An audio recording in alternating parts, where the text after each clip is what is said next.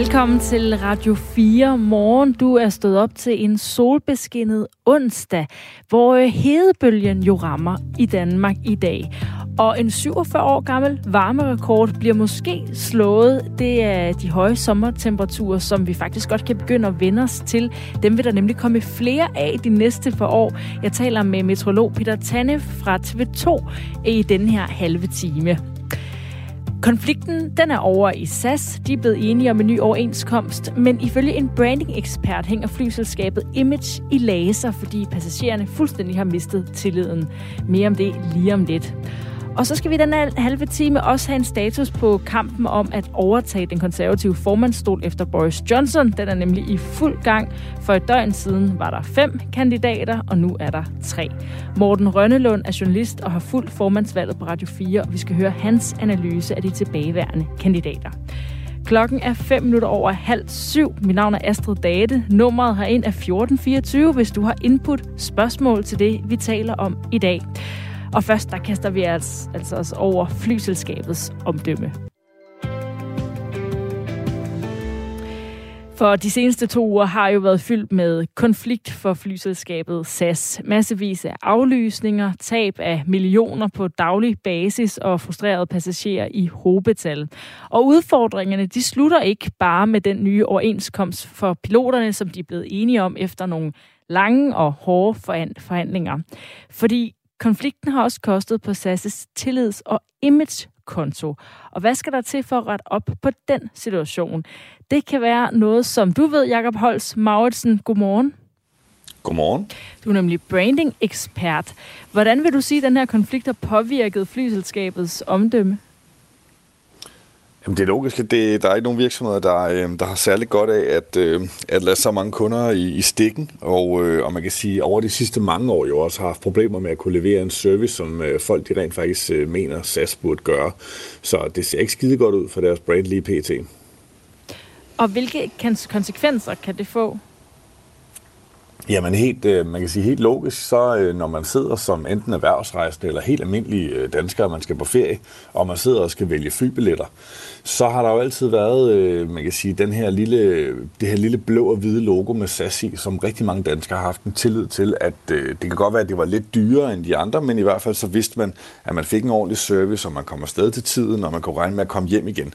Og den tillid, den er jo bristet nu. Det er ikke fordi, den ikke kan komme tilbage, det kan den, men det kommer til at tage lang tid, altså overvis, før at, øh, at vi kommer til at se SAS igen kunne dominere en position, hvor at de i hvert fald, øh, man kan sige med rimelighed, kan sige, at øh, både alle danskere, svenskere og nordmænd vil være villige til at betale den ekstra pris, som SAS plejer at tage for det, alene fordi, at der står SAS ud for deres øh, flybillet. Og hvorfor tager det så lang tid at bygge op igen? Fordi nu har de jo lavet den her aftale med piloterne, der betyder, at de kan komme på vingerne igen. Og det er en aftale, der gælder for fem et halvt år frem. Så nu burde det jo være rimelig øh, sikkert, at man kan øh, flyve med de billetter, man køber hos SAS. Ja, det skulle man sige. Altså man kan sige, der er, der er to dele til det her. Der er selvfølgelig, at SAS jo også kommer til at stå over for en lang periode nu, hvor de skal igennem øh, en spareøvelse. De skal virkelig til at spare nogle penge, og de skal finde sig selv igen som, øh, som virksomhed. Men den anden del af det handler også om, at vi som mennesker øh, generelt set, øh, egentlig nok, tror jeg, altså de fleste skandinaver holder meget af SAS og har gjort det rigtig, rigtig mange år, så vi vil den gerne det godt, og vi vil gerne stole på dem.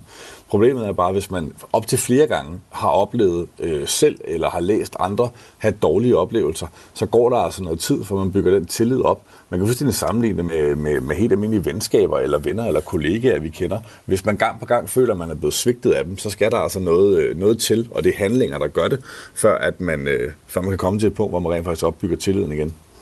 Hvad kunne SAS have gjort øh, anderledes i det her forløb for at undgå at, øh, at, øh, at stå med det her sådan, øh, gok i nøden med tilliden?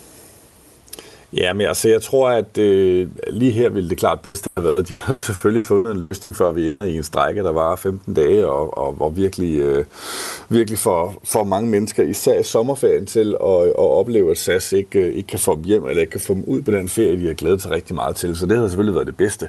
Men hvis det ikke kunne lade sig gøre, så havde det næstbedste naturligvis været, at man har haft en helt klar og tydelig kommunikation. Man har haft en rigtig, rigtig stærk kundeservice til de kunder, der var, der var påvirket af det.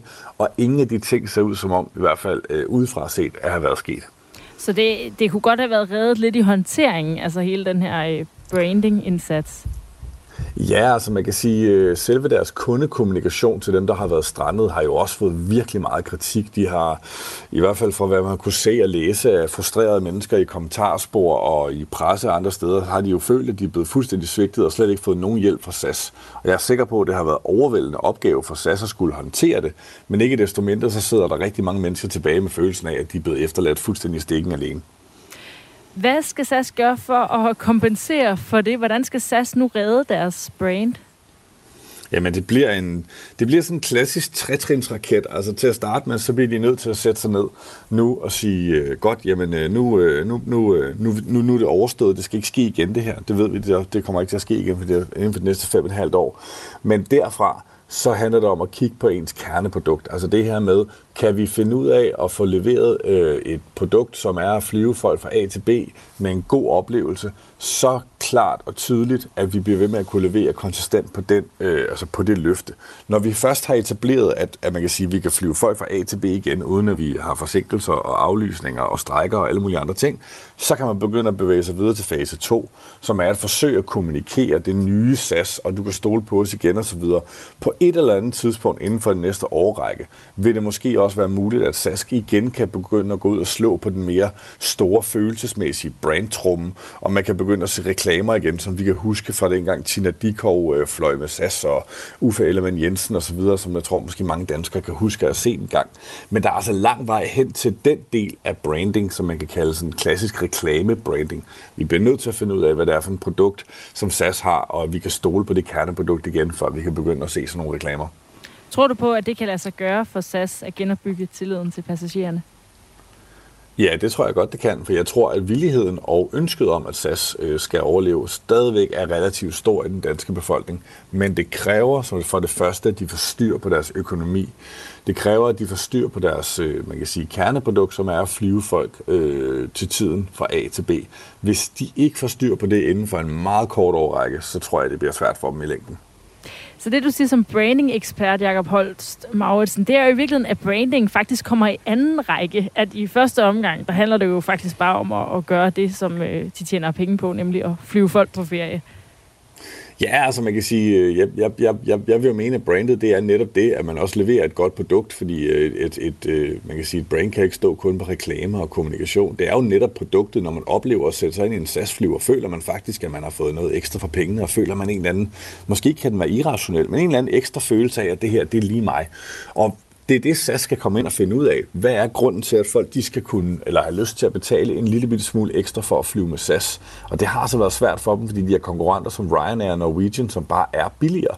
Og SAS kan ikke konkurrere på pris, så derfor bliver de nødt til at konkurrere på nogle andre ting rundt om oplevelsen.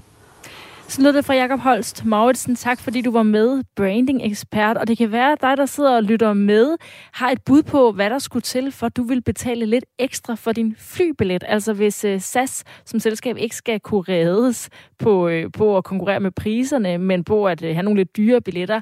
Hvad, hvad betyder noget for dig, hvis du skal betale ekstra for at købe en flybillet? Du kan skrive ind til 1424. Der sker en øh, masse i britisk politik de her dage, for der er jo kamp om at overtage den konservative formandsstol efter Boris Johnson. For et døgn siden, der var der fem kandidater, og nu er der tre. Morten Rønnelund er journalist og har fuldt formandsvalget for Radio 4, og i går aftes der sagde han sådan her om de tilbageværende kandidater. Tom Tugendhat, han røg ud med øh, færrest stemmer i går, ganske som øh, ventet. Og i dag der er det så Camille Bartenok, også ganske som ventet, der røg ud med de laveste stemmer, men faktisk stadig et hederligt højt stemmetal. Øh, og det betyder, at de tre, der nu er tilbage, som i morgen skal koges ned til to, det er Rishi Sunak, den tidligere finansminister, så er det Penny Mordaunt, øh, handelsminister, øh, og så er det Liz Truss, udenrigsminister. Stærke, kendte kræfter, der har været favoritter siden start. Det, der er lidt specielt ved situationen, det er, at mens Kami Badenoch blev smidt ud af øh, øh, ræset i dag af parlamentsmedlemmerne i de konservative, så kom der en meningsmåling blandt konservative medlemmer, ikke parlamentsmedlemmer, men medlemmerne sådan rundt omkring i landet. Og de havde Kabi nok til at vinde. Hun kunne slå alle de andre i en-til-en kamp ifølge de meningsmålinger. Mens Rishi Sunak, der er parlamentsmedlemmernes favorit lige nu, og formentlig bliver en af de sidste to, tabte i meningsmålingerne på alle sine en til enere.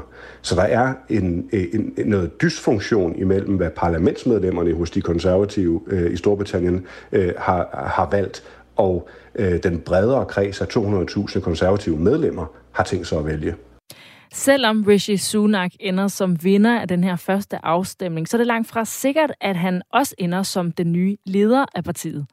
Øh, altså alle er forholdsvis sikre på, at Rishi Sunak er den ene af de sidste to, øh, fordi han ligger så godt i svinget. Han skal nærmest kun bruge en stemme eller to mere øh, til de 118, han allerede har, og, og så er han sikker. Så det er Penny Mordaunt og Liz Truss, der ligesom kæmper om andenpladsen. Men skal man tro meningsmålingen fra de almindelige medlemmer, og det er jo dem, der tager over, når vi er nede på to, jamen så vil det være den af de to øh, kvinder, Penny Mordaunt eller Liz Truss, der bliver sat op, op imod Rishi Sunak, der vinder.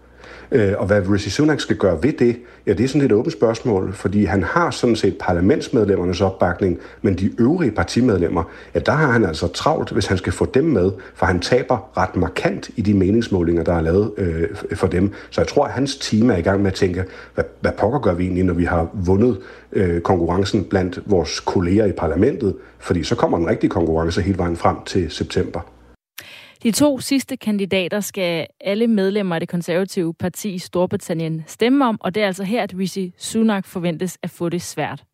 Fordi vi har ikke rigtig svaret fra den almindelige befolkning, den almindelige konservative vælger, det almindelige konservative medlem i partiet, hvad det egentlig er, der trækker. Men øh, et godt bud er, at Rishi Sunak var støtte til Boris Johnson, var en del af den regering, som, som man nu forsøger at, at, at skifte ud og forny.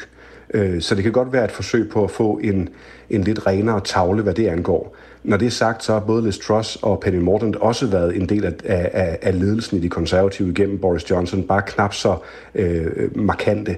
Men, men det er nok Rishi Sunaks øh, stående last og bræst med Johnson igennem nogle af de løgne, der er, der er kommet, som har tippet nogle af, af de konservative vælgere rundt omkring sådan ude i landet, væk fra, fra parlamentet.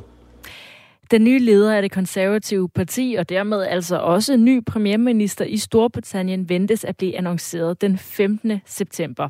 Det var Morten Rønnelund, som er journalist og har fuldt formandsvalget for Radio 4, som øh, gav sin seneste analyse af situationen.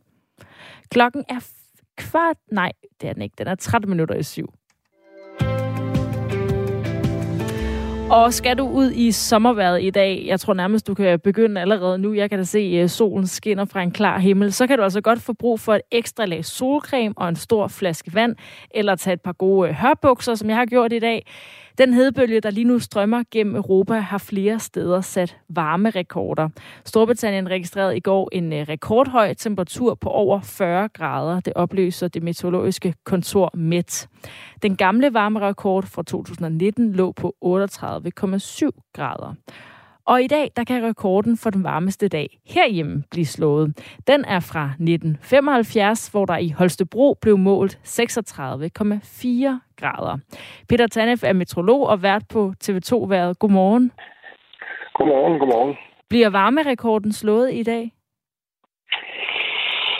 Oh, ja, det er et godt spørgsmål. Øhm, man kan sige, at setup'et er der i hvert fald, og, og, og værmodellerne øh, viser også, at øh, chancen eller risikoen, skulle man måske sige, øh, er der for det. Øh, jeg har faktisk lige siddet og set på en af de seneste prognoser, der er kommet ind, og, og hvis man læser den sådan helt råt, for eksempel for, for Tønder i Sønderjylland, så viser den 38 grader, øh, og så har vi jo altså slået rekorden godt og, og grundigt. Men der er sådan lige nogle, nogle parametre, blandt andet noget med et vindskifte, blandt andet i Sønderjylland, som, som vi sidder og holder øje med, for hvis vinden lidt for hurtigt går i vest, så er det ikke sikkert, at, øh, at temperaturen øh, topper. Men, men man kan sige, øh, skal vi slå den der gamle øh, værrekord, så er i dag et rigtig, rigtig godt øh, bud på det. Og hvis man lige nu og her skulle sætte procenter på det, så er det måske sådan 50-50. Og øh, nu nævnte du Sønderland, altså hvilke steder i landet, hvis nu der skulle blive slået en varmerekord, altså at vi kommer over 36,4 grader, hvor kunne det så være? Jamen, så Sønderjylland vil være et rigtig godt bud, og så ellers sådan, hvad skal man sige, op igennem øh, Midtjylland, og det er jo også der, når vi bevæger os op igennem øh, det jyske, at vi finder øh, Holstebro sådan op i den, den, den, øh, nordlige del af Midtjylland, hvis man kan sige det på den måde. Øh, og så er det heller ikke helt umuligt, at, at, at sådan et sted som øh, Lolland Nakskov kunne også være et, et godt bud. Og det er jo fordi, at, at det er jo, helt, det er jo al den her varme, som vi har hørt om øh, nede i Europa, det er jo den, der med, med søndenvind i dag kan blæse op over øh, Danmark. Og så er det altså de aller sydligste egne, men også lige så snart vinden er i syd, jamen så kan man nogle gange, så kan man rent faktisk sådan tegne en linje, og, øh, ja, for eksempel fra Holstebro, og så ned igennem Jylland, og hele vejen ned igennem øh, Europa, og så får man sådan en lang, lang, lang linje, hvor at, at luften både kan blive varmet op og bevæge sig hen over øh, land. Og det er jo altså 47 år siden, at øh, der sidst blev målt en varmerekord i Danmark. Men hvor unormalt er det, at der bliver målt så høje temperaturer herhjemme? Altså man kan sige, når vi kommer op omkring de 35 grader, så, så begynder det at være øh, så begynder det at være øh, usædvanligt. Øh, så, så skal vi øh, enten mange år tilbage, eller ikke bruge så mange hænder for at tælle, hvor mange gange det er, er sket. 33 og 34 grader, det er sådan, øh, det er sådan lidt øh, mere øh, normalt. Øh, det man så kan, kan frygte, det er, at, at 35 og 36 grader, hvis vi taler sammen igen om en en 10-15 år, måske er noget, der er gået hen, ikke oplevet øh, normalt, men, men knap så usædvanligt eller ekstremt, som vi sidder og snakker om det i dag. Ikke? De seneste uger der er der jo blevet slået øh, flere varmerekorder i øh, resten af Europa, blandt andet i Portugal, hvor det i torsdags var den varmeste julidag i landet nogensinde. Der blev målt 47 grader. Hvad er det, der er skyld i de høje temperaturer, der bliver målt i Europa lige nu?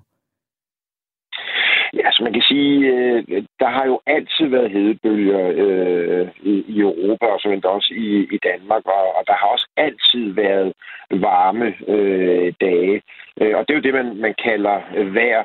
Øh, en af en af årsagerne til, at vi får de her ekstremer, det, det, det, det kunne man sagtens, øh, hvad skal man sige, skyde skylden på, på klimaforandringerne. Men der er, der er ligesom to øh, ting, man skal, man skal kigge på, når man kigger på klimaforandringerne.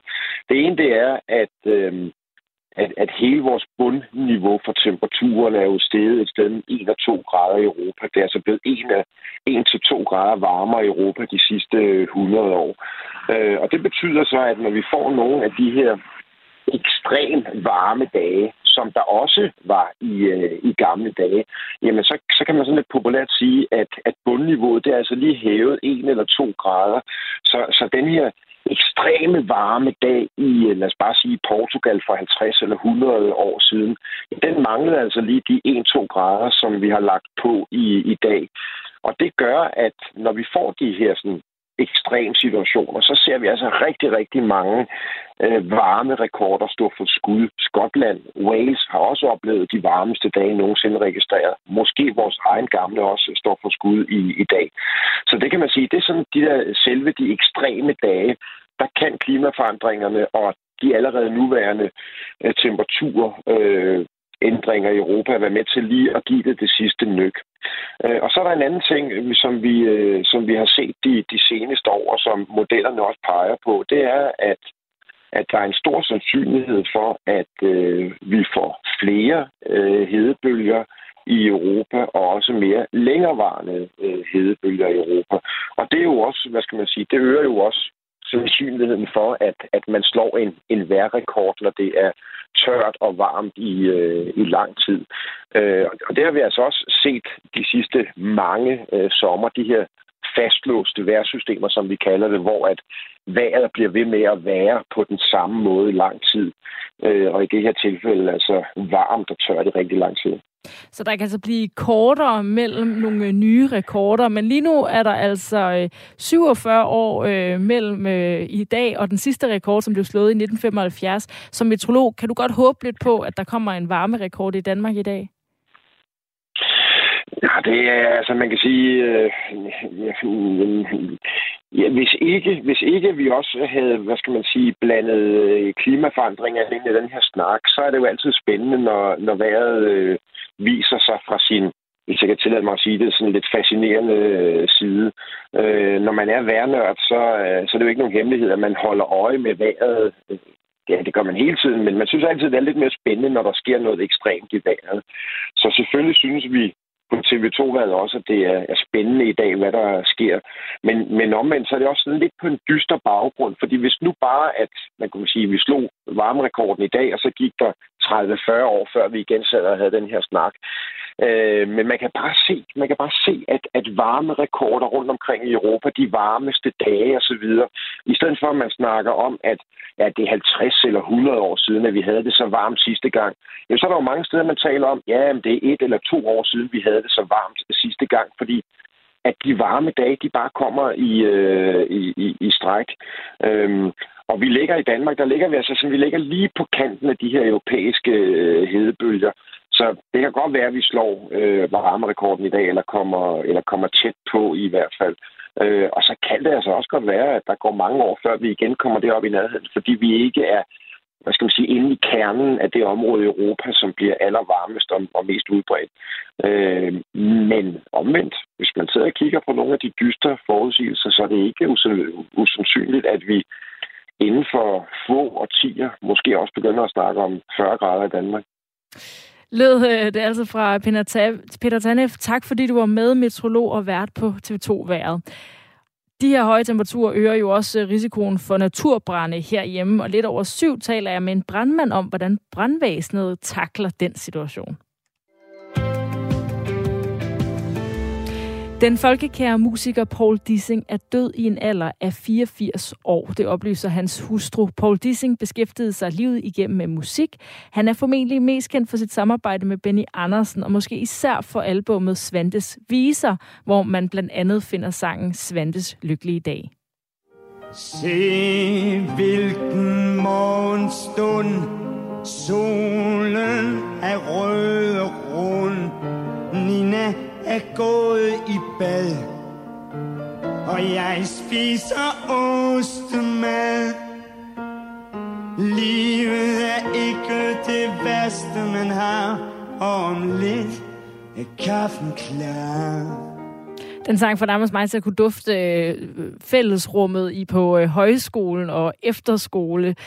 Men øh, genremæssigt, så spænder Paul Dissing altså bredt. Han er også øh, kendt for sangen, sangen som øh, Den grimmeste mand i byen. Jeg kører gennem byen i min Jaguar. Bruger 100 krudtsedler, når jeg tænder min cigar. Men hvad fanden hjælper det? Og alt hvad jeg har Når jeg er den grimmeste mand i byen. Paul Dissing blev øh, sidste år den første musiker, som blev optaget i Folkemusikkens Hall of Fame, og senere på året udkommer en øh, omfattende biografi om ham, som øh, udover interviews med Dissing selv indeholder interviews med hans venner og familie og med en øh, række danske musikere. Den er skrevet af Jens Folmer Jebsen, og han fortæller sådan her om Paul Dissing. Jamen, så er han en forholdsvis øh, stille, lidt generet øh, egen øh, mand, øh, som, øh, som også er virkelig generøs og godt selskab. Jamen, altså, for mig har han jo været sin røs, han har sat tid til at sidde og snakke med mig de sidste år flere, flere timer. Og så er han jo også generøs med at give af sig selv, når han synger en sang. Det er ikke, han putter jo ikke med noget. Som øh, jeg tror, der er en i bogen, der siger, jeg tror, det er øh, Michael Bersen, der siger, at, at han stikker aldrig pipen ind. Ifølge Jens Folmer Jebsen, så var Paul Dissings evne til at fortolke øh, det, som gjorde ham til en god musiker. Paul Dissing var jo egentlig ikke... Han, han blev ved med at sige selv, at han ikke var dygtig til at spille guitar. Men han er en fantastisk sanger, og fortolker. Og alle dem, som har spillet med ham, siger, at det er helt vigtigt, at han har sin guitar, for så kan vi se, hvor vi er henne i sangen. Så kigger vi på ham, hvor er han henne? Fordi Paul var ikke en, der holdt sig lige inden for det antal takslag, som skulle være. Paul Dissing er især kendt nu for hans samarbejde med digter Benny Andersen. Jamen, det tror jeg var et øh, lykkeligt samarbejde, øh, som godt kunne have endt ulykkeligt. Fordi Paul, han ville faktisk ikke synge de sange. Og, øh, og så sagde han, tog han ud til Benny, og så sagde han, ved du, Benny, kan du ikke, jeg synes, du skal få Cæsar til at synge dem. Øh, og det ville Ben Andersen ikke. Han sagde, jeg venter til, du er klar, Paul. Hmm. Paul synes, der for meget, for meget, han var for, for, for drukken og sådan noget. Han er en meget fin mand, Paul, som... Øh, øh, der er ikke sådan noget vulgært i ham, så hvis det bliver for sådan pornografisk, erotisk eller for meget for druk, så, er det ikke ham, der lige skal ind og fortolke det. Spiller den grimmeste mand i byen. Mange af de her Silvestein-ting, som Tøge Olsen oversat, dem var Paul ind og ret i, fordi de netop blev for pornografiske for ham. Men det der markerskab mellem Benny Andersen og øh, Paul Dissing, det blev heldigvis til noget. Og når jeg siger heldigvis, så er det også, at man, kan, man skal måske forestille sig, at der var nogle skuespillere, der begyndte at synge Svandes viser, så falder det til jorden. Det var Paul, der skulle synge dem, fordi han kan noget helt særligt med den måde, han synger på. Og det passer rigtig godt som modstand til de der lidt artige melodier, som Benny Andersen han skriver. Så der kom sådan lidt modstand, og så fandt de jo så også ud af, at de komplementerede hinanden. Benny sad bag klaveret, og så skulle til koncerter, så rejste han sig op og gik hen til mikrofonen og tog så rigtig lang tid om det. Og folk, der så koncerten, sagde, hvorfor, hvorfor har han ikke bare mikrofonen i klaveret? det havde han ikke, for det var et spil mellem de to også, som var ja. rigtig, rigtig vigtigt for oplevelsen. Ikke? Ja. Det sagde Jens Folmer Jebsen, som altså er forfatter til den kommende biografi om Paul Dissing. På den anden side af nyhederne, der vender jeg tilbage til hedebølgen i Danmark. Der er jo øh, ekstra høje temperaturer, de kan nå op over 30 grader flere steder, og det tørre landskab giver altså også større risiko for naturbrænde. Jeg taler med en indsatsleder om, hvad brandvæsenet gør for at forberede sig. Asbjørn Møller har nyhederne klokken 7.